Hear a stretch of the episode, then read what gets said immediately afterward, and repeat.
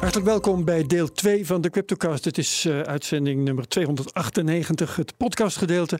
In deel A hebben we het gehad over het laatste crypto-nieuws. Dat vind je dus als 298a.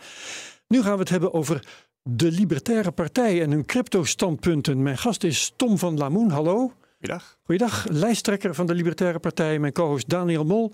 Hallo, van BNR Herbert. zelf. Hallo. En, en hij is redacteur van de Cryptocast en van BNR Digitaal. Voor we beginnen, eerst het volgende.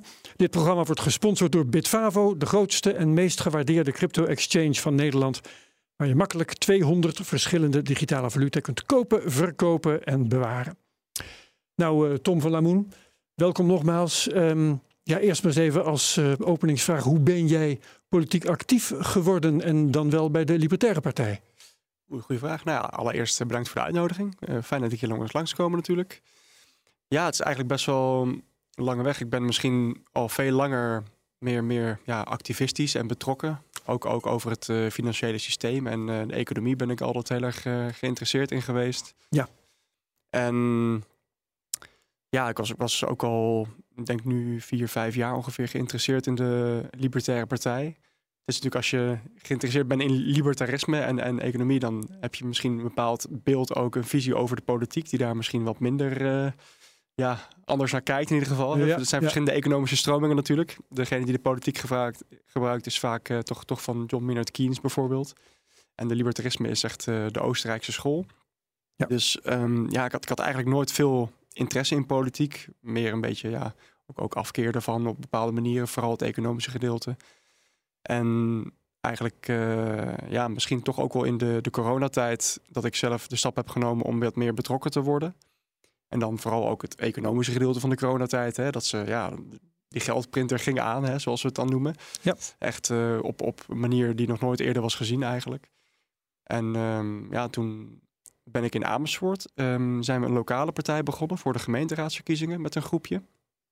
En uh, daar heb ik dus nu ook een zetel. Ik zit in de gemeenteraad in Amersfoort. En toen eigenlijk daarna is het pas gekomen dat ik dacht van ja, het voelt wel... Uh, ja, het voelt voor mij wel de juiste weg, zeg maar. En toen dacht ik van bij de Libertaire Partij dat ik eerst, ja, ik word wel uh, lijstduur bij jullie, want ik uh, kan ik misschien wat stemmen uit Amersfoort meenemen. ja, ja. En toen stopte de, de vorige lijsttrekker ermee eigenlijk. Die is met zijn podcast, heeft hij gekozen voor die invloed in plaats van de politiek. Dus toen, Robert uh, Valentine hebben we het dan over? Ja, Robert Valentine, zeker. En ja, toen was er een positie vrij en toen, ik heb gewoon, ja, gewoon via, net als iedereen binnen de LP eigenlijk gewoon gesolliciteerd van ja, ik wil misschien wel iets hogere plek. Maar uh, ik heb niet per se voor lijsttrekker gesolliciteerd. Maar toen uh, ja, is het zo gekomen dat ik het ben geworden. Helemaal per ongeluk. Um, even tussendoor, hoeveel uh, gemeenteraadsleden heeft Amersfoort? 39. En daar heb je de kiesdelen gehaald? Ja, zeker. Dat is veelbelovend. Zeker. Is en, Amersfoort een sterk libertaire stad? Nee, dat, dat zou je niet zo zeggen. Het is, de coalitie is D66 en GroenLinks de grootste. Dus mm -hmm. die, ja, qua misschien wel het meest, meest progressief links, dat die uh, ja, wat minder economisch uh, aan onze kant staan in ieder geval. Ja. Minder economisch rechts. Dus je zou niet zo snel zeggen uh, dat, dat, ja, dat Amersfoort echt libertarisch zou zijn. Maar volgens mij kwam je, je had, jullie hadden best wel sterke kritiek op het coronabeleid. Hè? En volgens ja. mij daardoor... Ook zeker, dat ja. Is echt een... En, en het was, was toch ook wel in Amersfoort dat is ook waarom we begonnen zijn eigenlijk met een lokale partij. Er was, er was niet iets op economisch rechts. Er was ook geen klassiek liberale partij, zeg maar, die mee zou doen. Dus het enige wat je dan kon doen was, was VVD stemmen bijvoorbeeld. Ja. En, en ja, dat zagen we niet zitten. Nee. Um, en uh, als het om corona gaat, dat noem jij hè, als je oorspronkelijke motivatie om hier aan te beginnen. Uh, we zijn van de maatregelen af. Je zou kunnen zeggen dat je je doel hebt bereikt. Um, waarom ga je toch door? Nou ja, het, het, gaat niet zozeer om de, de, de, maatregelen en de lockdown zelf. Hè. Het gaat om, om de economische gevolgen. Die zien, gaan we nu eigenlijk pas zien. Je ziet, uh, nou ja, als, we kunnen het weer over Amersfoort hebben, maar daar hebben we bijvoorbeeld de, het centrum. Je ziet dat daar nu heel veel leegstand komt te staan. Want al die ondernemers moeten nu die coronaschulden gaan terugbetalen. Dus, dus ja. ik, denk, ik denk dat we nog heel lang in de nasleep zitten van de economische gevolgen van die tijd. Ja, nou zit je hier in de CryptoCast. Wij ja. hebben het meestal over uh, Bitcoin in het bijzonder en crypto ja. in het algemeen. Uh, heb jij daar ook iets mee? Ja, zeker weten. Ik ben ja. echt. Uh, ik ben, ben ook wel een Bitcoin maxi, hè, zoals het heet. Mm -hmm. Dus um, ik, ik, zie, ik zie eigenlijk dat Bitcoin de voornaamste crypto is dan. Um, er, er zijn natuurlijk heel veel verschillende meningen in binnen de LP. Ook, nou ja, dat de voornaamste is, daar kun je eigenlijk niet over discussiëren. Dat is een feit. Nee, precies. De, de grootste sowieso, de eerste natuurlijk. Hè. Ja. Um, maar ja, natuurlijk vanuit het libertarisme zelf gaat het voor mij meer om de filosofie erachter. Dan, dan echt per se, uh, ja, er zijn ook heel veel uh, crypto's die, die om andere doelen hebben dan echt onafhankelijk worden van het bankaire systeem, zeg maar. Ja, was, Je, eerst, was je eerst politicus of eerst bitcoiner? Ik was eerst bitcoiner, ja.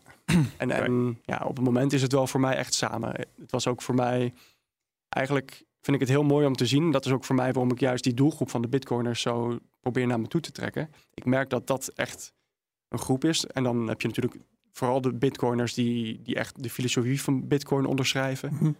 Dat zijn eigenlijk allemaal libertariërs. Die snappen gewoon de Oostenrijkse school van de economie. En die snappen het geldsysteem zoals het nu eruit ziet, zeg maar. Hè, met, met de, de zelfgecreëerde inflatie, doordat uh, de rente gemanipuleerd wordt, et cetera. En die achtergrond, die, die snappen zij heel goed. En daar zijn we echt de partij voor. Jij hebt ook best wel fans, want ik was op eh, Bitcoin Amsterdam een, weet ik veel, was een maand geleden nu of oh, zo. en toen zat hij, uh, ik zeg het even tegen Herbert, uh, Tom zat in een debat met volgens mij een Amerikaanse wiskundeleraar die Bitcoin for Progressives heeft geschreven. Dus een wat meer linkse view of progressieve view op Bitcoin. En mhm. hij was dan de, de, de andere kant. Mm en toen zat ik zeg maar in een vak met allemaal fans. Uh, die noemen zichzelf de noodrunners. Dat, gaat, jou, dat gaat totaal aan jou voorbij. Maar daar ja, dat die snap ik helemaal. Dat is, de, dat is de groep van de, de hardcore bitcoiners uh, in Nederland. Of in ieder geval een deel daarvan. En uh, mm -hmm. ja, het is wel heel grappig. Die zaten allemaal elkaar te juichen toen hij ja, goede punten maakte. Dat was leuk inderdaad. Ja, ja, Dat, dat, is een beetje de, de harde kern inderdaad. De noodrunners. Hè. Dus die hebben allemaal een nood.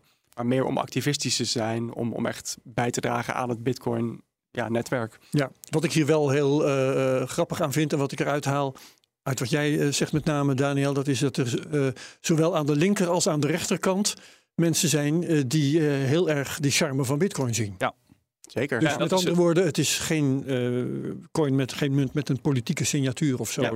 Die, nee, dat, ik denk vast dat, zou zitten. Nee, ik denk dat dat ook de kracht is. En ik zit, om eerlijk te zijn, ik zit zelf wat meer in het progressieve kamp. Dat is gewoon hoe ik mm denk. En uh, ik snap ook heel veel van jouw punten en economische filosofie, dat snap ik ook allemaal wel. Uh, maar ik vind het ook heel leuk inderdaad dat er zo'n... Ik, ik ben even zijn naam kwijt, dat is een beetje jammer. Uh, was Jason, Jason Meyer of zo? Meyer, ja. Meyer. Jason Meyer, die heeft Bitcoin for Progressives geschreven. En die, die kon dat goed onder woorden brengen waarom, waarom Bitcoin ook voor progressieve mm aantrekkelijk is. En er zijn er nog wel een paar. Je hebt Jin Urso, dat is een ja. twitteraar die over heel veel over mining schrijft. Nou, dat is heel grappig inderdaad dat je dat constateert. Het zijn echt twee kanten die... Ja, zeker. Ja. En, maar het, het, mooiste vind ik ook zelf eigenlijk... Kijk, de Libertaire Partij wordt dan als, als rechts aangeschreven. Maar ik, ik zeg het stel ook steeds vaker. We zijn eigenlijk een beetje extreem rechts en extreem links tegelijkertijd. Want, nou ja, kijk, met Jason Meyer moesten we ook een voorgesprekje hebben toen. En het ging er eigenlijk over, ja, waar zijn we het eigenlijk oneens? Het was best wel moeilijk. En, en hij was dan ook niet echt een, een, een echte liberaal zoals, uh, ja, zoals je meer bij de democraten zou zien, zeg maar. Maar het, het punt wat Bitcoin onderschrijft eigenlijk is gewoon kritiek op centrale machtsposities. En dat, dat heb je natuurlijk in de privaatbankenwereld bijvoorbeeld. En de privaat, uh, ja, farmaceutische wereld, maakt niet uit. Maar je hebt het ook natuurlijk, ja, de centrale banken en, en een overheidspositie zijn ook zegt centrale macht waar je wel eens misbruik ziet. Ja. Dus het is heel mooi dat je binnen het hele spectrum eigenlijk gewoon ja, kritiek op de macht, dat is waar wij voor staan. En ja. Dus dat is eigenlijk links en rechts tegelijkertijd. Nou, dat, dat, dat, en dan houden we over dat panel op hoor. Maar dat, dat was ook volgens mij een beetje de conclusie. Uiteindelijk ging het gesprek meer over dat hij, dat, dat jullie, het ging een beetje meer over uh, zeg maar libertarisme versus meer macht bij de overheid, dan dat, het, dat jullie het heel erg oneens waren over bijvoorbeeld de rol van Bitcoin. Want nee, kritiek op banken en kritiek op, op het geldsysteem, dat, dat hebben zij allebei op hun eigen manier. Alleen dan, het, uiteindelijk ging het meer over een soort tragedy of the commons en al dat soort ja, ja. beetje standaard eh, verhaaltjes. Mm uh, dus dat, dat, is wel grappig dat bij crypto dat dat dan wel wat meer, of bij Bitcoin moet ik zeggen, wat meer samenkomt. ja. Ja, dus, dus vanuit Bitcoin kun je zowel naar links als naar rechts, uh, zal ik maar zeggen. Mm -hmm. Binnen de Libertaire Partij uh, is iedereen het erover eens dat Bitcoin iets geweldigs is, of is dat uh, anders? nee, ja, natuurlijk verschilt dat ook nog wel eens. Um, het grootste gedeelte wel, durf ik te zeggen. En ik heb ook echt wel, nou ja, ik, ik ben dus binnen de Libertaire Partij die Bitcoin-factie begonnen. Hè?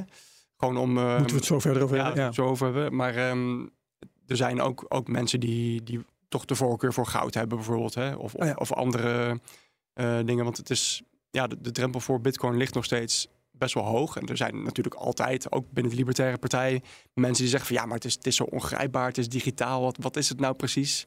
En goud is fysiek, daar heb je iets aan. Heeft het dus wel intrinsieke waarde? Precies, de intrinsieke waarde.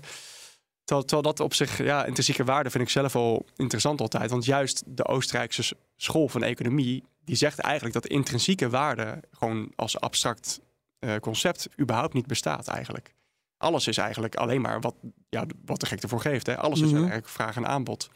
Dus goud zou ook geen intrinsieke waarde hebben. Goud betekent alleen dat het heel stabiel is op dit moment, omdat bijvoorbeeld heel veel centrale banken en banken het hebben liggen en dat die het vasthouden. Daardoor is het zo stabiel. Maar niet omdat het nou eenmaal goud zou zijn en een intrinsieke waarde heeft. Nou, wat, wat ik wel interessant vind, als ik daar even op in mag gaan. Ik heb wel gesproken met monetaire economen. Die zeggen mm dan goud heeft inderdaad geen intrinsieke waarde. Ja. Uh, dat, dat vind ik grappig. Uh, als ik in discussie ben met um, andere economen die het begrip in, intrinsieke waarde gebruiken. Hè, zo van uh, een bedrijf heeft een omzet en heeft medewerkers en een geschiedenis en een reputatie en noem maar op. patenten. Mhm. Dan zeg ik, ja maar als je dan vindt dat bitcoin geen intrinsieke waarde heeft en je ziet hoeveel het waard is, ja. moet je dan niet kijken naar je definitie van intrinsieke waarde. Ja, Heb je het dan wel over het juiste ding? Ja, en, en precies de dingen die je opnoemt. Hè. Gewoon, gewoon reputatie zelf is, is heel veel waard, denk ik, in de markt. Netwerk dat, is, dat, dat, is, dat is juist, dat heeft niets met intrinsieke waarde te maken als dat concept zou zijn. Dat heeft te maken met of mensen jouw product willen kopen omdat jij die reputatie hebt. Dus het is ook vraag en aanbod. En Bitcoin heeft ook een reputatie. Ja. zijn jullie uh, als, als LP en dan vooral jij, zien jullie de Bitcoiners in Nederland als een soort one-issue stemmers waar je dan ook een beetje op mikt, politiek gezien? Ja, zeker. En, en naar mijn idee dus ja, bijvoorbeeld die noodrunners, maar echt de mensen die de, de, filosofie van Bitcoin onderschrijven en die weten waarom Bitcoin eigenlijk nodig is, omdat er ja, heel veel manipulatie in het geldsysteem zit. Die, die zijn one-issue stemmers geworden over tijd, omdat die zien van ja, je kan eigenlijk alle andere onderwerpen, als we het hebben over zorg of eh, migratie of wat dan ook, of de huizenmarkt, eigenlijk is het allemaal een beetje symptoombestrijding als je de basis van ja, in politiek wordt geld uitgegeven en, en je gaat allemaal kiezen wel, wat mensen het belangrijkste vinden. Maar ja, waar komt het geld vandaan en, en hoe komt dat tot stand? Dat is de basis van alles onderliggend eigenlijk. Dus als, als daar manipulatie in plaatsvindt, dan, dan kan je bijna niet beginnen aan de rest oplossen, vind ik. En dat, dat zien hun ook. Dus het zijn echt wel een beetje one-issue stemmers op die manier van je moet beginnen bij de basis oplossen. Want daarna heb je geen vrije markt eigenlijk. Ja, dus als je wil stemmen op Bitcoin, dan moet je stemmen op uh, Tom van Lamoen. Dat zeker. Overigens, dat ga ik dan ook meteen tegenspreken, want er is ook Wieberen van Haga. Ja. Uh, niet dat ik, ik, daar persoonlijk een fan van ben, maar uh, dat, de enige partij met nu zetels in de Tweede Kamer die Bitcoin überhaupt in zijn verkiezingsprogramma heeft staan, dat mhm. is de BVNL. Nou, hadden het officieel niet, hadden het niet eerst in hun verkiezingsprogramma staan. Nee, klopt. maar nu Drie dagen geleden heeft Forum voor Democratie ook een Bitcoin-standpunt uh, openbaar ja, het is een beetje, het, er lijkt inderdaad. je, soort... je, ziet het heel vaak, dat, en dat, dat vind ik niet, uh, niet eens kwalijk hoor. Want ja. de invloed van de. Kijk, de Libertaire Partij bestaat al 30 jaar. En we zijn eigenlijk veel meer een soort van filosofische, economische denktank. dan misschien een politieke partij. In de mm -hmm. staat politieke deelname ook pas op plek 4. Maar we, ja, je ziet dat, dat andere klassiek liberale partijen dan, of die daar in ieder geval in dat, aan die kant zitten, zie je dat ze toch vaak dingen van ons overnemen. Ze komen op het, op, op het idee en denken van daar is misschien wat te halen. Ja, nou ja, kijk, ja, het is campagnetijd natuurlijk, dus misschien dat dat er ook mee te maken heeft. Maar we zien het ook niet eens per se als kwalijk, want als onze invloed op die manier andere partijen wat scherper houdt, zeg maar, dan, dan is dat ook gewoon winst. Ja, ja. ja, ja net zoals uh, je bijeen helemaal aan de linkerkant, die heeft ook bijna een beetje de rol van de andere uh, linksere partijen meetrekken in. Uh, in Partij voor de Dieren ook, hè? Ja, nou, Partij voor de Dieren is ook zo'n, inderdaad. En dan jullie misschien aan de rechterkant. En dan vooral bij Forum, moet ik zeggen, en ik moet nu oppassen wat ik zeg, maar mhm. eh, voelt dat dan wel een beetje als opportunistisch, dat ze dat dan nog even last moment ja, toevoegen? Tuurlijk, ja, nou, um, ja zo, zo, voelt het bij BVNL eigenlijk voor mij ook wel een beetje. Als, je, als je kijkt, natuurlijk, ja, ja. we moeten niet over andere partijen praten, maar ze hebben natuurlijk ze hebben niet echt een, een, de principiële economische filosofie erachter staan, zoals wij, zeg maar. Ze hebben ook, socialistische mensen in de partij zitten nu, zeg maar. Ja. Wat, eh, laten we even eh, dieper op jullie Bitcoin-standpunten. Want ik ben heel benieuwd. Mhm. Wat wil jij, welke rol zie jij voor Bitcoin? Ja, dat is, is nog best moeilijk eigenlijk. Het is, wij willen meer um, uiten dat wij achter Bitcoin staan en het systeem als een, als een ja, echt een hele goede oplossing zien als vervanging voor het huidige systeem. Maar wij zijn libertariërs natuurlijk, dus wij gaan ook niet mensen verplichten om Bitcoin te gebruiken. Wij gaan niet zeggen: oké, ehm, als wij aan de macht komen, dan moet iedereen Bitcoin gebruiken en dan gaan wij zorgen dat je alleen nog maar belasting kan betalen in Bitcoin, et cetera. Dus het is het, echt een standpunt schrijven daarvoor is nog best wel moeilijk, want wij willen als standpunt hebben wij scheiden van staat en geld. Dus we willen dat de overheid zich niet bemoeit met monetaire zaken. Dus dus ook niet ja, via rentemanipulaties van de centrale banken of, of um, vergunningen aan banken verlenen of, of op welke manier dan ook de markt beïnvloeden, zeg maar. Maar het probleem is, doordat überhaupt een overheid bestaat, moet jij belasting betalen in euro's. En we hebben nu een monopolie op de euro en dat komt ja. door maar één ding, doordat wij er niet omheen kunnen, want wij moeten belasting daarin betalen. Dus wij hebben wel gezegd, oké, als we dan nu in een transitie zitten naar een vrijere markt, dan willen we dat dat verandert. En dat is dan de meest libertaire weg, zeg maar. Dat jij ook belasting mag betalen in andere valuta die breed gedragen worden door de markt. En daar zien wij Bitcoin het voornaamste voorbeeld van. Ja. Dus eigenlijk krijg ik hier een beetje het gevoel van je wil, eigenlijk wil je het van de daken schreeuwen. Uh, Bitcoin en mhm. iedereen moet eraan, maar jullie zijn libertariërs. Jullie, uh, bedoel, jullie gaan niemand iets opleggen. Ik denk laten we het zo even over El Salvador hebben. Dat is het ultieme voorbeeld van zeg maar de andere kant. Mhm. Ehm, dat vind ik dan heel grappig dat je toch, en, en, we hebben het over BVNL gehad, die zeggen wel, en dat volgens mij is dat standpunt geschreven door Boris van der Ven, die ooit hier de co-host was.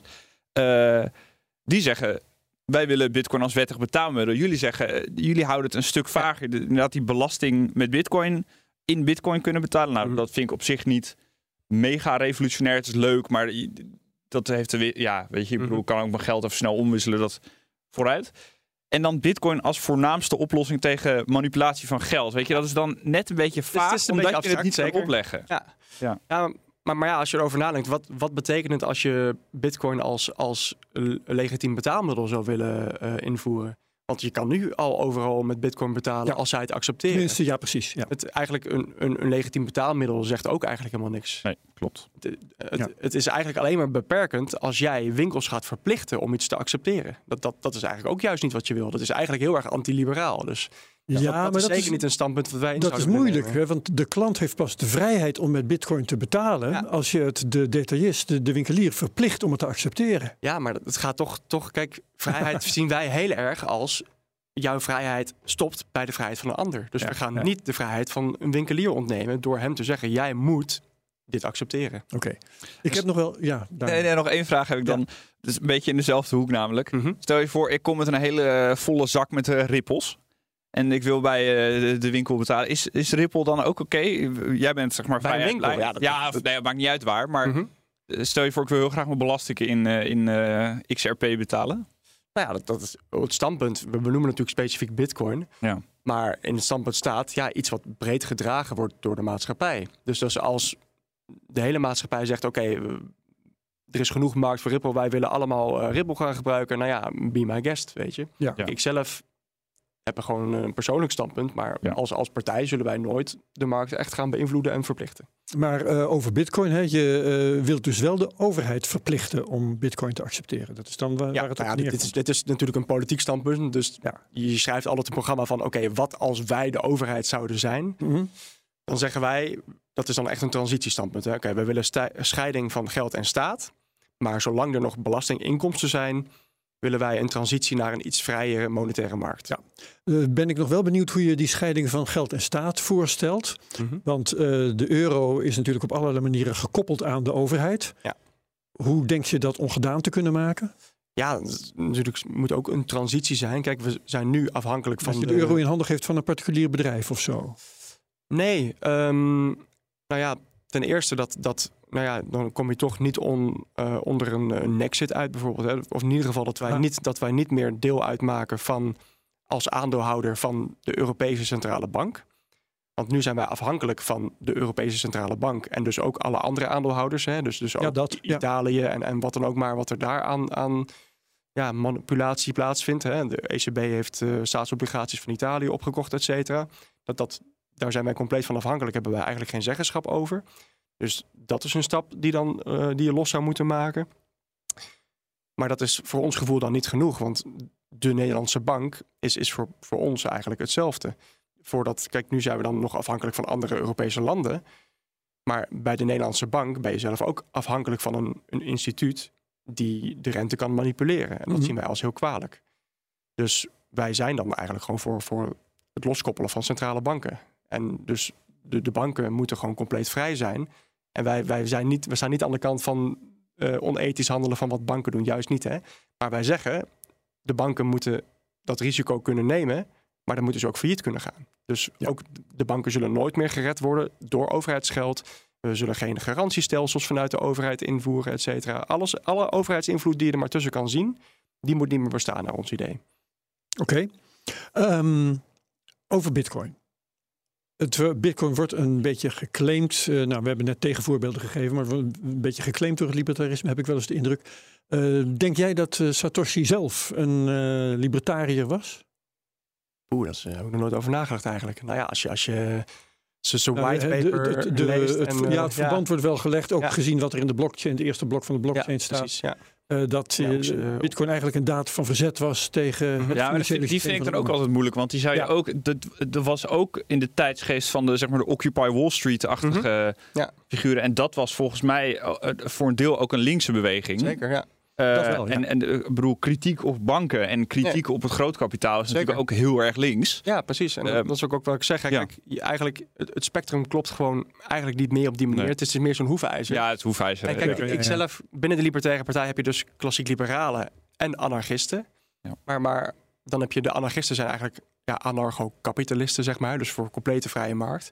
Maar het, het, het ja, anarchisme zelf zit ook heel erg bij extreem links natuurlijk. Dus, dus, wij zijn eigenlijk een, een, progressief rechtse partij, zeggen wij. Ja, ja, ja. ja, ja. je ziet het ook in Nederland, uh, ook in de, in de Kamer met Bitcoin-standpunten. Maar hier Okaya, SP, zit dan toch redelijk aan de linkerkant. Uh, en dan de, de andere eh, mensen die in ieder geval iets slims kunnen zeggen over Bitcoin. En dat bedoelt zijn er ook niet veel, maar die zitten dan ook wat meer aan de rechterkant. Zeg maar in het, in het ja. brede midden. Zit, zitten die van een, een D66 heb ik nog niet betrapt op een slimme opmerking over crypto. Nee, nee, ja, zeker. En ik durf, durf te zeggen dat ik dat, dat Mahir Alkaya het het beste snapt. Ja, sowieso. Absoluut. Veel, beter nog dan, dan ja, alles wat er bij, ja. bij Ja21 BVNL of uh, Forum voor Democratie zit. Ja. Ja. Um, luister, je noemde al uh, de Bitcoin-factie in de Libertaire Partij. Mm -hmm. uh, wat, wat is dat en wat doet dat? Ja, het is, het is eigenlijk uh, heel onofficieel. Maar het is, we zijn gewoon binnen de Libertaire Partij eigenlijk een, een groep begonnen, een factie. Hè? Je hebt binnen de Libertaire Partij ook bijvoorbeeld de, de Mises-factie. Die is echt van de, de Mises-school in Nederland, hè, de economische uh, instituut. En daar zijn dus een paar... de Oostenrijkse school. Is Oostenrijk, ja, precies. Ja, dus uh, je hebt de Mises School, Oostenrijkse instituut, Economisch Instituut in Nederland. En daar zijn, die zijn dan ook lid. Die hebben we hier ook nog over de vloer gehad een keer. Oh, precies. Ja, die, die, zijn daar lid van en die zitten dan binnen de Libertaire Partij. Dus die hebben de Mises-factie. Dus wij dachten van, nou, we beginnen een Bitcoin-factie. Waarin wij dus binnen de Libertaire Partij, want het, binnen Libertaire Partij werkt alles heel democratisch eigenlijk. Hè. Iedereen mag moties indienen om standpunten te veranderen, et cetera. Dus we dachten, nou, wij gaan gewoon invloed binnen de partij uiten om, om binnen de partij Bitcoin meer te omarmen en het ook echt in standpunten terug te zien, zodat wij ja, kunnen uitstralen dat, dat Bitcoin en libertarisme eigenlijk voor ons één is. Ja, en, en um, hoe noem je dat ook weer? Uh, in het Engels hebben ze zo'n mooie uitdrukking: eat your own dog food. Um, heeft de Libertaire Partij ook uh, zijn, zijn, uh, zijn geld in Bitcoin? Uh, nou, we, accepteren, we accepteren donaties in Bitcoin. Dus, dus ja. ja, we, hebben, we hebben dus een eigen, een eigen non-custodial wallet ook zelfs. Waar, uh, waar we Bitcoin, een hosted wallet. die, waar, we, waar we Bitcoin en dus ook Lightning uh, accepteren. En daar waren we wel het eerste in, ook die Lightning. We hebben zelfs, um, dus samen met de Bitcoin-factie zitten ook een aantal programmeurs.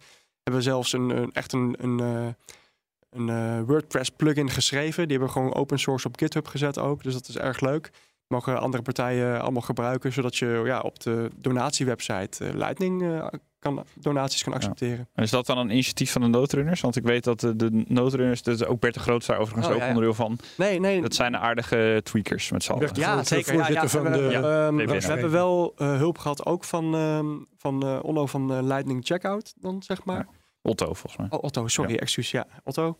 En, um, maar wel samen met, met iemand uit ons bestuur, die ook deels programmeur is. En ja, Rutger Weemhoff zit bij ons bij de partij, die die zijn allemaal heel technisch, dus, dus uh, die hebben het uh, gemaakt. Ja. laten we het over El Salvador gaan hebben. Het land dat bitcoin als wettig betaalmiddel heeft ja, opgelegd. Hè? Dus daar ben je heel erg tegen.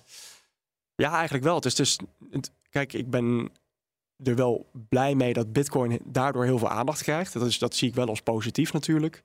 Maar het zou niet de weg zijn die wij zelf zouden kiezen. Nee, wij, wij ja, het is echt een beetje autoritair Bitcoin opleggen en ja, dat nou ja, moeten gebruiken natuurlijk. Dat ga ik dan weer, weer nuanceren op mijn beurt, mhm. want uh, het is opgelegd aan de, de, de, winkeliers en dergelijke, de, de bedrijven, mhm. zodat de bevolking vrij is om het te gebruiken. Mm dat, is, dat vind ik best wel een interessant onderscheid. Zeker, maar ja, dat, dat is toch moeilijk om dan te zien als, als, als echt uh, principiële vrijheid. Uh, Wat de bevolking dan trouwens ah, vervolgens niet Omdat je dus inderdaad, je bent wel, dan ga je mensen vrijer maken door een bepaalde minderheid, wat dan de winkeliers zijn, te verplichten tot iets. Dus dat, dat vind ik toch eh, ergens wel een beetje onethisch. maar ik, ik snap de achtergrond. Ik denk, ik denk dat we er allemaal op onze eigen manier misschien sowieso wel moeite mee hebben. Omdat, ik bedoel, Bukele, en ik weet niet hoe jij precies over hem denkt, maar ik zit inmiddels wel in uh, kamp. Het is een dictator. Hmm. Uh, In ieder geval iemand die actief uh, de rechterlijke macht en zo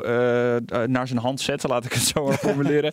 um, en dat is natuurlijk gewoon een kwalijke zaak. En dan dat hij dan toevallig iets cools doet. Uh, of toevallig iets goed doet. Een beetje vergelijkbaar met dat de investeringen van Sam Bankman-Fried toevallig veel meer waard zijn geworden. Mhm. uh, dat maakt nog niet een goed idee. Nee, nou kijk, ja, hij, hij wordt wel door, door goede Bitcoin-adviseurs geadviseerd natuurlijk. Precies. Dus dat, daar, daar ben ik wel mee eens met dat gedeelte. Maar ja, ik ben het compleet met je eens. Het, is, het is een dictator uiteindelijk. En of dat is natuurlijk een heel hard woord. Ja. Dat zegt niet meteen dat het, dat het een onethische dictator zou zijn. Je, hebt, je hebt dictators die goede dingen doen met goede bedoelingen. Ja. Hè, er, zijn, er zijn linkse partijen die zeggen, ja, we moeten een, een groen dictatuur nu instellen, et cetera. Om, om, iets goeds, om iets goeds te eh, doen. Het, is, het, het gaat erom van, dat is binnen het politieke spectrum zie je eigenlijk steeds ook meer van, ja, de discussie leidt steeds meer op naar efficiëntie. Dus, dus in de gemeenteraad ook van, ja, eigenlijk is, is heel, heel, veel democratie is eigenlijk ook maar lastig. Want dan ben je zo bureaucratisch bezig, allemaal overleggen en mensen moeten inspraak hebben. Het meest efficiënte is gewoon een dictatuur. Het is het ook alleen. ja. Wel een dictatuur waar iedereen het mee eens is. En dat ja, nee, precies. Dat, dat, maar daarom je, blijven wij libertariërs. Ja, je, je, hebt gelijk dat die Bukele... Ik denk niet dat hij kwaadaardig is. Kwaadaardig is. Mhm. Uh, in, zijn, in het runnen van zijn land. Alleen het is, het is alleen zo jammer als je niet met hem eens bent. Dan, dan heb je dus geen. Ja, nou ja, Precies, dat... dat... zien we echt als een probleem. Zelfs al, al doe jij het beste voor het grootste gedeelte van de bevolking. Dus er is altijd een kleine minderheid die jou onderdrukt. Of, of het nou tegen hun best wil in is of niet, zeg maar. En het grootste probleem zie ik altijd de centrale machtspositie zelf. Bukele is nu zo alles aan het vastleggen dat, dat hij centrale macht heeft. En in precies wat je zegt, met justitie en alles aan het reformen, zodat dat hij eigenlijk overal zeggenschap over heeft. Maar ja, wie komt er na Bukele? Dat is altijd heel gevaarlijk natuurlijk. Ja. Nou, voorlopig nog niemand, want uh, hij is lekker bezig volgens mij. Dus uh, als in, uh, hij is de nee, Chinese ja, praktijk hij, doet hij, volgens mij. Nou, hij is op het moment nog heel erg populair natuurlijk. Ja. Dus, dus ja. ja. Goed, ja. Het, het, blijft, het blijft een fascinerend experiment. En wat ik dan altijd jammer vind is ook, we hebben die kaartjes van Chainalysis inmiddels weer binnen van dit jaar of van vorig jaar eigenlijk is het helemaal niet zo heel populair in El Salvador. Ik bedoel, in, bijvoorbeeld in Nigeria of zo gebruiken ze veel meer bitcoin. Zeker, ja, ja, ja, Dat is heel grappig. En dat is ook precies wat ik zeg. Het, het aangeven dat bitcoin een wettig betaalmiddel moet zijn, dat, dat verschilt helemaal niet zoveel eigenlijk. Dat, dat doet, doet zo heel veel voor je samenleving. Ja. In het kader van de uh, dilemma's voor libertarische bitcoin-liefhebbers heb ik er nog eentje. Uh, moet een land een eh, deel van zijn schatkist omzetten in bitcoin? Nou, moet, het woordje moet, dat zijn we altijd tegen. Hè? Dus dat is een beetje een ding. Rijksbeleid? Nee, nou ja. Ja, kijk, dat is wat ik zeg. Wij, wij zien eigenlijk dat, dat de overheid daar helemaal niet zich mee zou moeten bemoeien. En dus eigenlijk, uh, wij zien ook niet dat de overheid een schatkist zou moeten aanhouden. Nee, maar, het ding is dus, maar, maar het ding is dus wel, als je hebt altijd een beetje te goede natuurlijk. Je hebt altijd financiële tegoeden. Zeker dus je als je belasting in bitcoin accepteert. Precies, maar... Wat doe je daarmee? Precies, dus als je belasting in bitcoin accepteert, heb je altijd bitcoin in beheer. Maar om het echt als een schatkist te zien, vind ik natuurlijk lastig. Want je gaat niet. Ik vind niet dat een land ehm, zijn, zijn financiële geld vast moet zetten om, om rendement uit te halen, bijvoorbeeld. Het zou alleen maar moeten zijn: oké, wij willen dit uh, financieren en faciliteren voor de samenleving. Mhm. Dus dat gaan wij ophalen aan belasting en meer ook niet. Dus je moet, moet zorgen dat die, ja, de begroting zoveel mogelijk strak en rond is, zeg maar. Dus dat niet ja, geld overhoudt, wat je dan inderdaad in goud gaat investeren of in wat dan ook om rendement uit te halen. Dat, dat zie ik niet als een taak voor de overheid. Maar volgens mij zit je nu ook een beetje op de lijn, uh, in ieder geval in de transitiefase, dat we heel veel dingen afschaffen, behalve dan justitie en politie en defensie. Ja. En dat daar dan, dat, nou, dat zou 10% of zo zijn in totaal van de mhm. belastingen of zo. Ik heb een beetje meer verdiept, dus ik, uh, ja, ja. nachtwakerstaat heet dat Onderwijs, daar hoeft uh, de overheid geen geld meer aan uit te geven, heb ik begrepen. Nee, klopt. Ja. er zijn wel meer. Ik bedoel, zorg, uh, kost ook een hoop geld. toeslag, vangnet, weet ik veel. Dat allemaal eruit. Gaan we het nu trouwens niet over nee, discussiëren? Nee, nee, nee, nee, nee, niet in nee zeker. Maar de, de, dat is dus echt inderdaad... Dus dat er nog belastingen worden geheven is onderdeel van die transitiefase die je nu al een paar keer genoemd hebt. Ja, klopt. Ja maar toch, om nog even aan te houden. Um, je incasseert belasting uh, in bitcoin. Hè, dat sommige mhm. burgers zullen daarvoor kiezen. Je opent die mogelijkheid. Dus uh, altijd wel iemand die dat doet. Uh, dan heb je bitcoin. ja, dan, dan kun je dat omzetten in euro's. Of je kunt dat niet doen. Nee, klopt. Ja, het, het, is, het blijft een heel moeilijk verhaal natuurlijk. Ja, en, en overigens, als ik, het, als ik dat, dan heb je het goede in bitcoin. Mm -hmm. Dan sta je gewoon uh, voor de vraag, want, want niet kiezen is ook kiezen. Mhm. Hè? Uh, is, het, is het verstandig beleid om, uh, uiteindelijk wil je toch zoveel mogelijk arm, financiële armslag hebben voor je land, wat je daar dan ook vervolgens mee wil doen. Mhm. Dan kun je zeggen als à la Michael Saylor, Bitcoin will only go up. Dus we gaan natuurlijk zoveel mogelijk in Bitcoin. Ik zeg niet dat dat zo is. Ik zeg dat je dat zo zou kunnen redeneren. Mhm. dus um, de, je zult een beleid moeten hebben daarin. Ja, klopt. Maar ja, dat, dat is toch ook zeg. De, mm, wij, wij onderschrijven veel meer de, de filosofie van Bitcoin als, als een betaalmiddel, niet zozeer als een, een waardemiddel. En dus de manier ook hoe ons standpunt in elkaar zit, is dus als het breed gedragen wordt door de samenleving, gaan wij Bitcoin accepteren voor belasting. Maar dat mhm. betekent dus eigenlijk alleen ook als de staat dan ook um, zijn financiering kan betalen met belasting. Dus als jij bijvoorbeeld de, de politiemacht en de defensiemacht hun lonen kan betalen in Bitcoin. Ah. Dus, dus het is niet zo dat als jij belasting accepteert in bitcoin, dat je dat nooit meer kan uitgeven. Het gaat er juist om dat, dat jij dan ook um, als staat, zeg maar, jouw diensten kan verlenen en betalen met bitcoin. Dat vind ik wel dus ik een stapje verder dit. Want je zou zeggen, de bitcoin belasting in in bitcoin. Nou, dat zou ik, weet je, als je een of mhm. andere hele fanatieke VVD'er, die zou dat misschien ook nog wel doorheen krijgen. Dat we dan uh, via een of ander bedrijfje gewoon, uh, ja, weet ik veel, Bitkassa of zo. Mhm. Die zou uiteindelijk met wat extra financiering vast een soort plugin voor alle gemeentes en overheden kunnen bouwen. Ja. Ja, dat ik mijn uh, jaaraangifte, weet ik veel, gewoon dat het allemaal netjes in bitcoin kan, dat die dat mhm. kan afrekenen. Alleen dat het dan het hele systeem door moet en dat het bijvoorbeeld de politieagent met bitcoin betaald wordt, dat is wel een stapje verder. Want dan... Ja, natuurlijk. Maar, maar dat is ook wat ik zeg. Ja, het, het gaat echt om, om een lange termijn. Dat, dat je, ja, dat is wat ik zeg. Het gaat niet om dat, dat je als staat echt een waardemiddel moet vast gaan houden. Dat, dat, dat zie ik niet als het doel daarvan. Je moet, moet echt zorgen dat het gedragen wordt in de maatschappij. En dan kan je het gaan gebruiken. Want als overheid moet je gewoon puur faciliterend zijn. Niet, niet denken van oké, wat moeten wij hebben als overheid zelf geld nodig en wij moeten zelf uh, voor onszelf zorgen. Ja, Oké. Ehm, over het libertarisme. Um, we behandelen dat tot nu toe als uh, één stroming. Maar het is vast ingewikkelder dan dat. Zeker. Zijn vast uh, rekkelijken en preciezen. En, uh, ja, ik heb, de, ik heb ook Vier voor Valentine podcast geluisterd, waar we net al heel even. De, dat doet Robert Valentine samen met, met Boris. Mm -hmm. Ja. Het, daar noemde jij, ik ben even de term kwijt die je gebruikte, maar jij bent. Voluntarisme. Voluntarist. Kijk, nou. Praat ons bij. Leg uit, ja. Ja, voluntarist is eigenlijk, eigenlijk dus een hele uh, filosofische stroming. Waarin eigenlijk de basis is dat alle interactie vrijwillig zou moeten plaatsvinden. En dat, dan, dat heb je eigenlijk dus alleen in een extreme vrije markt. Dus dat er niet um, onder dwang, en dan zien we dus belasting bijvoorbeeld ook wel als dwang. Hè? Je komt niet onder belasting uit en dan maakt de overheid keuzes voor jou met jouw geld. Dat, dat, dat is daar dus al past daarbij. Dus voluntarisme, ja, voluntarisch, vrijwilligheid. Het gaat om dat, dat alle interacties vrijwillig zouden plaatsvinden. En dat heb je dus alleen maar in een complete vrije markt, waarin jij dus eigenlijk stemt met jouw geld op, op producten en diensten die jij zou willen kopen.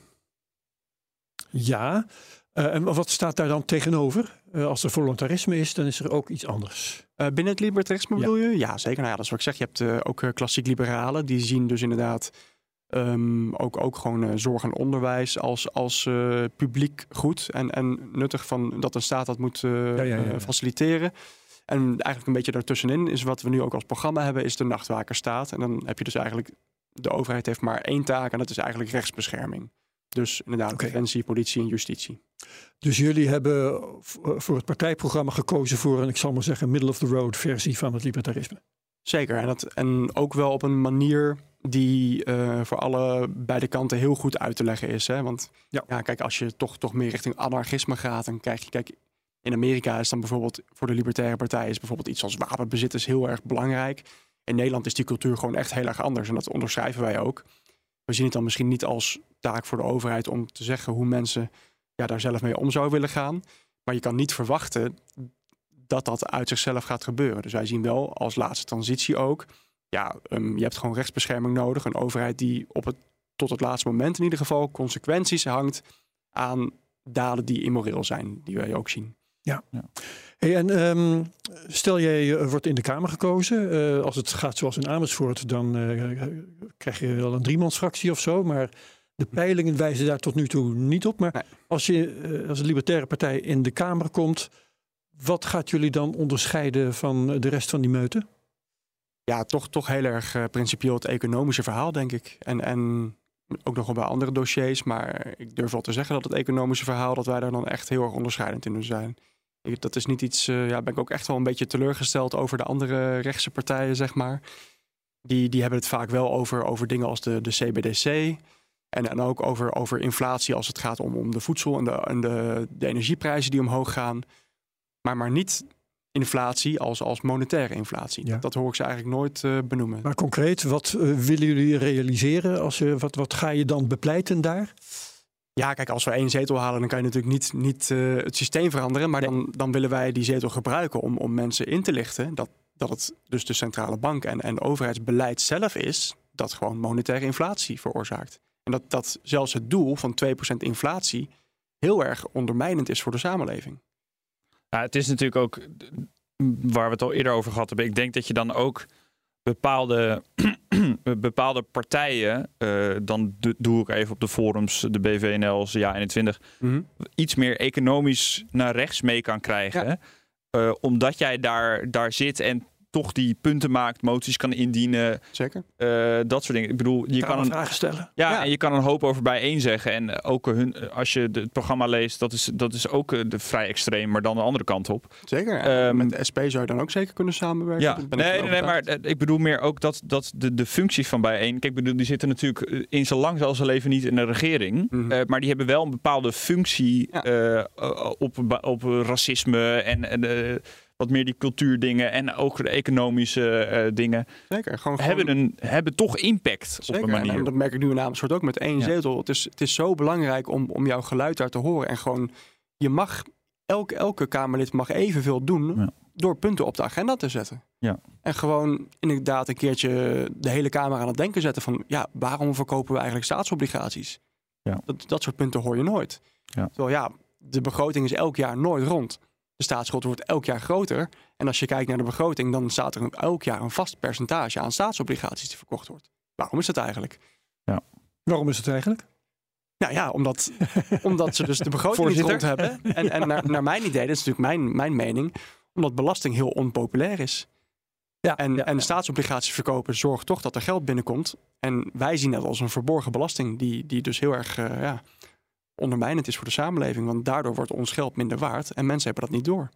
En het is voor jou dus ook die Tweede Kamer uh, is dus ook echt een podium. Want ik bedoel, kijk, in principe ga je dan uh, meedraaien. En dit is ook al een punt wat je eerder hebt gehoord. Maar meedraaien in een systeem waar je eigenlijk falikant tegen bent. Zeker. Alle partijen, ook uh, de BVNL en Ja21, zijn tot op zekere hoogte ja. tevreden met een overheid zoals we dat nu hebben. En... Maar jij bent meer een infiltrant dan? Zeker, ja, we gaan infiltreren, jongens. ja. Nee, nou ja, dat, dat is nou, ook zo. Een infiltrant en, voor 120.000 euro per jaar, hè? Dat dan zo, wel, maar... Ja, precies. Dat, nou ja, ga je, ik, ik, ga ook zeker een motie indienen om dan uh, mijn eigen loon naar beneden te halen. Ja, ja, Samen met de rest natuurlijk, want dat vind, ja, ik vind het echt belachelijk, dat sowieso. Wat ga, je, wat ga je doen? Ga je dat afstaan aan je partij, zoals de SP doet, of uh, hou je het toch gewoon zelf? Uh, goeie vraag. Nou ja, kijk, ik, ik, ik durf te zeggen dat ik nu een heel simpel leven heb eigenlijk en helemaal niet uh, zo'n loon verdien. Dus ik, uh, ik zou dat zeker ook gebruiken om, om het libertarisme en de partij verder te helpen. Ja, dat uh, ben ik van overtuigd. Ja, ja, blijf je dan in de gemeenteraad trouwens? Zou je gekozen worden? Um, nee, daar hebben we het lokaal over gehad en dan, dan ga ik mijn zetel doorschuiven inderdaad. Ik wil dan wel, ja, ja ook geen, alle, is officieel geen maar partij. gaat je doen. Nee, precies. En, en of, of ja, andere partijen. Je hebt zelfs Kamerleden die in de provincie en in de gemeenteraad ook nog PVV bijvoorbeeld. Ja, een aantal zelfs. Forum uh, zijn ze er ook heel goed in. Ja, ja, Forum hebben ze soms drie dubbele functies volgens mij. Maar, okay, uh, maar ik wil dan inderdaad wel mijn volledige focus op kunnen leggen en alles eruit halen natuurlijk. Ja, ja, ja. Hey, nog heel even over die, die, Ik wil even horen waarom, ik bedoel het laat zich raden, maar het, mhm. waarom jij tegen digitaal centrale bankgeld bent. En daarna, daarna heb ik een vervolgvraag en dan heb ik helemaal klem. Maar de, ja. ga maar. Nou ja, we, het libertarisme staat op dat we dus eigenlijk tegen centrale machtsposities zijn. Zelfs, dus zelfs met een Bukele, als het ethisch gebruikt wordt, zie je over de lange termijn dat het altijd zal corrumperen. Ja. Dus centrale machtsposities zien wij als een probleem op zich. En nou ja, de CBDC. Um, ehm, je had ook een vraag over uh, Libra, zag ik bijvoorbeeld. Hè? Ja, dat was mijn vervolgvraag. Precies, dat was voor mij precies hetzelfde. Het probleem is dat er een centrale machtspositie achter zit. Die, die gewoon ten alle tijde de spelregels eigenlijk kan veranderen als je aan het spel meedoet. Ja. Maar je zou ook kunnen zeggen, uh, Libra is gewoon een voortvloeisel uit de, uit de vrije markt. Ja. Facebook is een heel groot bedrijf, is mhm. eigenlijk zeker tot, tot, tot een paar jaar geleden werd er eigenlijk geen strobreed in de weg gelegd. Mm Die zijn vrij om wel honderd eigen munten uit te brengen. Precies, en die, die hebben inderdaad, als zij niet waren tegengehouden, dan hadden we nu, nu misschien allemaal met Libra betaald. Precies, en daar, zijn wij ook voor. Alles mag bestaan. Het is, het is, het is juist heel erg. De filosofie van uh, libertarisme is er ook op gebaseerd. Dat mensen fouten moeten kunnen maken. En dat, dat de samenleving het beste dient. Als eigenlijk iedereen gewoon constant alleen maar experimenteert en vrije markt. En dat de beste ideeën en de beste uh, constructies altijd zullen bovendrijven. Doordat mensen fouten mogen maken. En dat mensen ja, zoals bijvoorbeeld nu heb je alleen maar uh, zombiebedrijven die blijven gesubsidieerd worden en zo. Alles moet failliet kunnen gaan. Dat dient de samenleving. Dus iets als Libra mag bestaan, naar mijn idee. Ja. Maar alleen, kant... alleen, zullen mensen dan inderdaad na zoveel tijd denken van... oh ja, ja, ik vind ook Facebook sowieso, die verzamelt al mijn data. Ik vind het toch wel een beetje gevaarlijk. Ja. Ik zou misschien toch liever op den duur een alternatief willen. Ja, en dat vind je dan, en Libra zei net, vind je stom dat die, die centrale partij toch wel heel erg dan weer aanwezig is? Ja, ik vind het in ieder geval een, heel groot risico dat, dat jij afhankelijk bent van een centrale partij die erachter zit. En bij de CBDC is dat natuurlijk net zo. dat vind ik best wel een spanningsveld. Dat je dan aan de ene kant zeg je vrije markt en mhm. de, vrije markt, en dat bedoel, daar heb je misschien andere ideeën over, maar ik zie dan heel erg bedrijven die heel erg vrij worden gelaten, die vergaren op bepaalde plekken, zoals social media, mm verga je dan best wel snel een monopoliepositie. Want je mhm. hebt een netwerkeffect, iedereen wordt populairder, iedereen uh, komt bij hetzelfde platform samen. Mhm. Zo'n Libra is dan een voortvloeisel van die vrije markt. En, maar aan de andere kant wil je dan niet die centrale. Je, je hebt een hele groot, heel groot bedrijf dat die munt. Het verschil, het verschil met de CBDC is dat de CBDC dus echt van een overheidsorgaan vandaan komt. En de overheid is geen vrije markt, omdat wij verplicht worden om bij te dragen aan de overheid. Ja. Dus daar zie ik het hele grote verschil. Kijk, Libra, het zou van mij mogen bestaan. Alleen een CBDC dat, dat is iets wat zij kunnen, ja. Over ons uit kunnen rollen. En waar wij niet onderuit kunnen komen, zeg maar, als zij het gaan verplichten. En, en, daar, daar hebben we problemen mee. En, en wat je zegt, we zijn compleet voor vrije markt en voor vrijwilligheid. Dus als mensen vrijwillig kiezen om, om Libra te gebruiken en om hun, hun kijk, ik, ik heb ook gewoon een telefoon, ik zit ook op Facebook. Ik ben me ervan bewust dat zij al mijn data verzamelen, maar toch gebruik ik het en dat is mijn eigen keuze. Ja. Maar bij een overheidsinstantie is dat geen vrije keuze. Dus daar ligt echt het verschil. Je hebt, je hebt pas privacy als jij zelf vrijwillig kan kiezen om die privacy uh, ja, open te maken en, en ten koste van gebruiksgemak. Zeg. Eventueel daar iets van prijs te, prijs te geven. Ja, ja. Hey, is er eigenlijk ooit ergens een samenleving geweest die was gebaseerd op libertaire principes? Uh, staat durf ik nauwelijks te zeggen, maar nee, ja, ja. zijn er historische voorbeelden? Nou ja, dan, dan dan zou ik. Het enige wat ik durf te zeggen is dat je nu bijvoorbeeld nog, nog echt eh, inheemse volkstammen hebt of zo. Hè? Met, met, met een, eh, een dorpsoudse of iets ergelijks. Dat is echt iemand die dan een, een leiderspositie heeft met vrijwillige volgers zonder dwang, zeg maar. En, en kijk, als je binnen het spectrum van libertariërs, dan zou je misschien toch inderdaad, ja, in Nederland had je in de Gouden Eeuw met, met de Magna Carta. Toen was het echt wel een veel vrijere markt dan nu natuurlijk. En, en toen, toen in Amerika met de Founding Fathers in het begin. Ja, vind ik in de Gouden Eeuw vind ik ook moeilijk, want dan denk je natuurlijk gauw aan de VOC. Zeker, ja. En dat, bedoel, dat was gewoon een staatsbedrijf met een... Ja, monopolie. Zeker, ja, zeker. precies. En die kregen dat gewoon van de staat. Dat, dat, was, dat was echt een uitzondering op, op de rest van de vrije markt. Want omdat die dus inderdaad weer zo groot bijvoorbeeld werden door een centraal instituut. Oké. maar um, ook niet in, in Amerika misschien is daar, daar is volgens mij wel een libertarische partij. Is, is, krijgt dat een beetje voet aan de grond? Um, ja, moeilijk. Ze, ja, ze noemen Amerika natuurlijk echt een, een two-party system. Ja, ja de, de, Libertarische Partij is daar de, de derde grootste. En die is wel veel groter en bekender dan Nederland. Is dat zo, ja? Jazeker. Ja, en, en, en nou ja, Ron Paul is vooral natuurlijk. Oh, Ron Paul is dan de bekendste. En je hebt nu natuurlijk bij de Republikeinen zit Rand Paul. En die is, die is iets conservatiever dan zijn vader. Ja.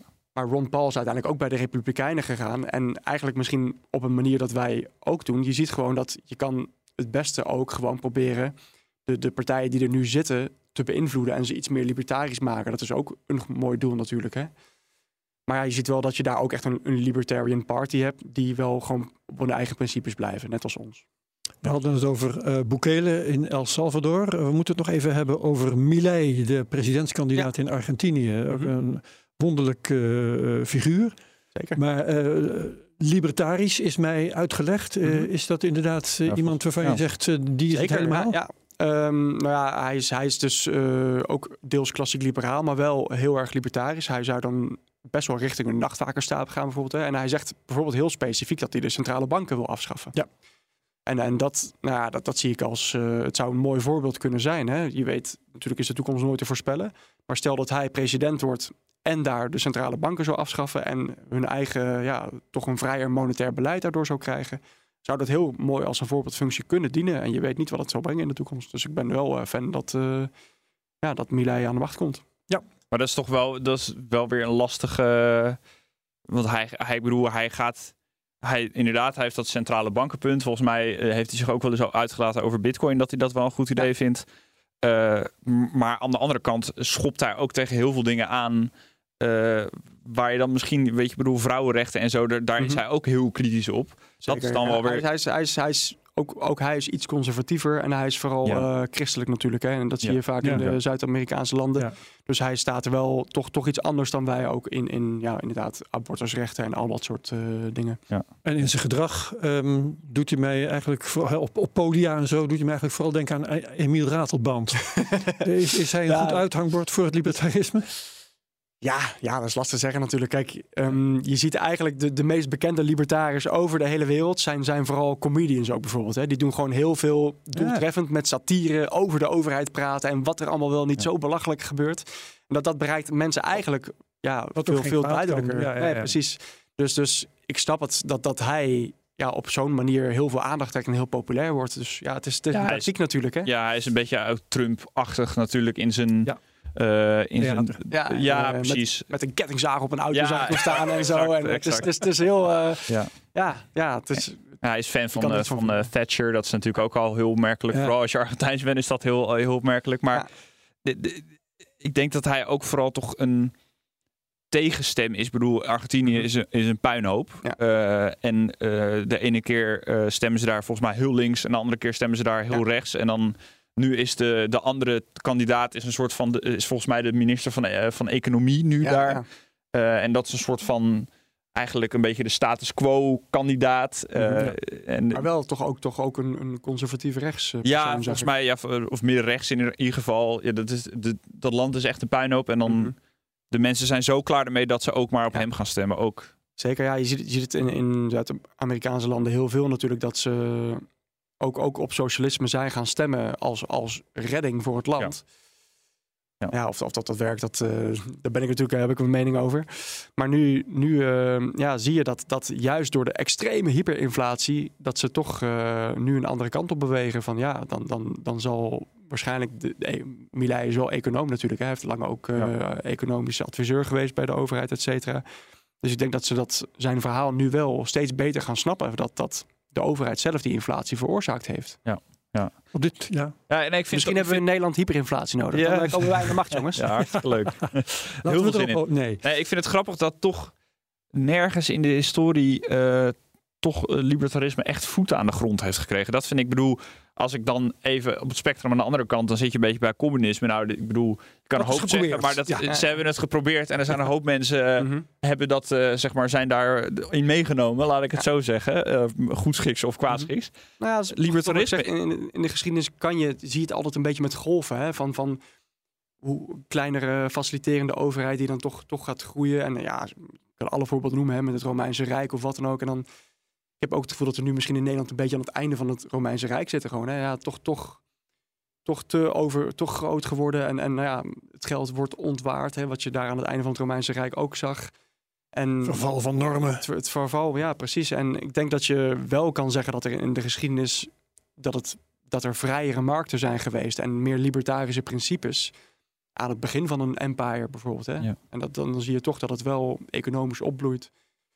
Maar toch, toch ja, blijft altijd heel moeilijk om te zeggen of dat nou echt uh, libertarisch was. Je hebt nooit, je hebt, kijk, de, sowieso als er ergens lang geleden anarchie was geweest, dan, dan, uh, dan heb je ook niet vaak een, een soort van overheidsinstituut die dat documenteert. Dus het, is, het is lastig te vinden in de geschiedenis natuurlijk. Ja, ja en de, de, de, de echte communisten die zeggen ook dat uh, zeg maar de Sovjet-Unie en, uh, en uh, China onder Mao en later dat, was, niet ook echt communisme. Echt niet, ook niet echt communisme en ook autoritair. Dat zeiden die staten zelf trouwens ook. Hè? Die waren bezig met het, het reëel bestaande socialisme. Dat was een voorbereiding op het communisme. dat was een ideaal ja, ja, ik, ik, dat nog moest komen. Ik vind, wel ik vind het altijd moeilijk, want het wordt ook, libertarisme wordt ook altijd een beetje beschreven als een ideaal aan de andere kant dan, zeg maar.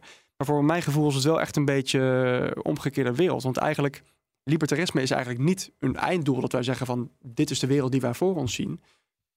Want communisme is juist andersom. Hè. Die zien eigenlijk een, een utopie voor zich. En de weg ernaartoe is helaas via dwang. Want je moet toch mensen gaan onteigenen. Hè, het is even vervelend, jongens. Dus, dus het is even vervelend, maar we hebben echt het beste met jullie voor. En het libertarisme is daar eigenlijk omgekeerd in. Wij zeggen niet van ja, het, het einddoel is de vrije markt. Het is onvoorspelbaar. Wij, wij gaan niet zeggen van dit moet het worden. Wij zijn ervan overtuigd dat als jij mensen niet oplegt en mensen niet uh, met dwang ergens instuurt, dat dan de beste ideeën komen bovendrijven. Maar wij gaan niet voorspellen welke dat zijn. Ja. Dus nee, dus voor ons is de libertarisme is vooral de weg ergens naartoe in plaats van een einddoel. Nee, dat klopt wel. En dat vind ik wel mooi. Ja, we moeten er, er uh, ook natuurlijk een beetje richting een afsluiting volgens mij. Maar je zit al heel uh, erg naar mij te kijken. Ik zie je wel, Herbert. um, maar we, we, zitten nu zeg maar uh, gevoelsmatig. Um, zitten we ordegroottes dichter bij een transitie naar communisme. En dat moet je niet overdrijven. Maar gewoon een mm -hmm. sterkere overheid ja. dan naar alles afschaffen. Dus ik zou zeggen. Ik bedoel, de, de weg naar een uh, uh, communistische utopie is, is zwaar en ver. Maar ik denk dat we alle overheid en zo gaan afschaffen. Dat wordt ook wel, dat als jij 76 zetels haalt, dan ga je dat niet binnen vier jaar fixen. Nee, natuurlijk niet. Het is, het, is, het is geen knop die je kan omdraaien. Nee. Natuurlijk, hè. We hebben per, per dossier hebben we heel erg transities uitgewerkt ook. Hè. En, en het enige wat wij willen, je ziet nu echt al heel veel ja, libertarische initiatieven eigenlijk in, in de samenleving ontstaan. Juist ook omdat, omdat de overheid steeds meer dingen gaat opleggen. Dus je ziet heel veel uh, ja, uh, staatsvrije scholen. Je ziet um, uh, broodfondsen die, die mensen hun eigen pensioen kunnen verzorgen of hun eigen vangnet kunnen verzorgen. Hè. Je ziet gewoon dat mensen zelf steeds meer dingen in eigen beheer kunnen nemen. Ja, Bitcoin vind ik uiteraard het mooiste voorbeeld daarvan. Je ziet gewoon dat mensen eigenlijk soort van vrijwillig op een parallel systeem kunnen gaan overstappen, mocht dat komen. Dus het enige wat wij als Libertarische Partij dan in de overheid hoeven te doen, is zorgen dat, dat de sturing wat minder wordt en dat er drempels weggenomen worden, dat, dat die vrije initiatieven meer bestaansrecht krijgen. En dus eigenlijk willen wij gewoon alle, alle overheidssubsidie binnen alle dossiers gewoon uitfaceren, zodat de initiatieven die niet gesubsidieerd worden, gewoon eerlijke kans krijgen. Dan kan het helemaal vanzelf gebeuren. Wat, uh, verwacht je? Over uh, acht dagen na nu zijn de verkiezingen? Ja, kijk, we zijn heel realistisch en we peilen inderdaad geen zetel. Maar we merken echt wel dat we ja, heel veel meer aandacht krijgen en heel erg aan het groeien zijn uh, vergeleken met vorige keer. Hè. We bestaan al 30 Hoe jaar. Hoe is cijfers? Wat soort cijfers? Ja. Um, nou ja, ja, het enige wat wij meemaken is natuurlijk hoeveel, hoeveel kliks we op de website krijgen en zo. En, en ledenaantallen. Ja, ja, en die groeien wel flink. Dus we denken dat, ja, je kan geen cijfers noemen, maar wat we zelf denken ongeveer is dat we op, op een derde zetel nu zitten ongeveer. Ja, ja oké. ja, ja, ja. En, uh, het is niet zo dat dat uit uh, Maurice de Hond zijn peilingen komt of zo? Uh, dat nee, klopt. Die, nou ja, dat, die een derde zetel of zo. Nee, zeker niet. Kijk, je, in die peiling wordt die meegenomen. En dat, dat blijft ook het moeilijkste. Als je niet een zetel op mag je ook niet meedoen met de kieswijzers. En die, die, het verschil tussen 0 en 1 zetel is echt uh, dag en nacht. En als je één zetel qua hebt, aandacht. qua aandacht. En, en uh, ja, ik ben super blij dat jullie me uitnodigen. Maar je mag natuurlijk niet met debatten meedoen en zo. Hè. Dus ja. die aandacht is heel erg moeilijk. Maar wij merken dat juist de Libertarische Partij is, is... Wij hebben een doelgroep van de mensen die ook steeds meer afhaken. En ook steeds minder gaan stemmen bijvoorbeeld. Hè. Dus, dus onze oproep is ook vooral van ja, als je geen vertrouwen meer hebt in het systeem en eigenlijk niet wil stemmen. Stem dan juist! Dan kan je misschien het beste op de Libertarische Partij stemmen. Want wij, onze slogan is ook letterlijk: wij willen niet dat jij geregeerd wordt, regeer je eigen leven. Wat doe je nog die laatste acht dagen?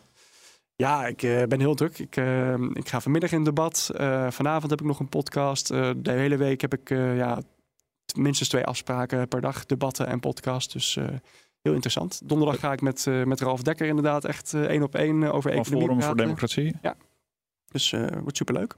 Oké, okay. ja. mooi. ik dank je wel. Zeker, jullie bedankt. Tom van Lamoen van de Libertaire Partij. Dankjewel Daniel Mol. Dankjewel Herbert Blankenstein. Co-host. En tot zover deze CryptoCast. Uh, vergeet me niet te delen met je volgers op Twitter. Mention at CryptoCast.nl. Reviews op Apple Podcasts zijn belangrijk. Like, subscribe en comment op YouTube. En verder iedereen hartelijk dank. En tot de volgende week bij de CryptoCast. CryptoCast wordt mede mogelijk gemaakt door Bitfavo, de crypto-exchange van Nederland. Bij BNR ben je altijd als eerste op de hoogte van het laatste nieuws. Luister dagelijks live via internet. Jelle Maasbach. Wesley Weert. We zijn er voor je met het leukste, opvallendste, maar natuurlijk ook het belangrijkste nieuws. Tijdens de presentatie van die halfjaarcijfers toen die beurskoers in elkaar kukkelde. BNR Beurs. Voor de slimme belegger. Blijf scherp en mis niets.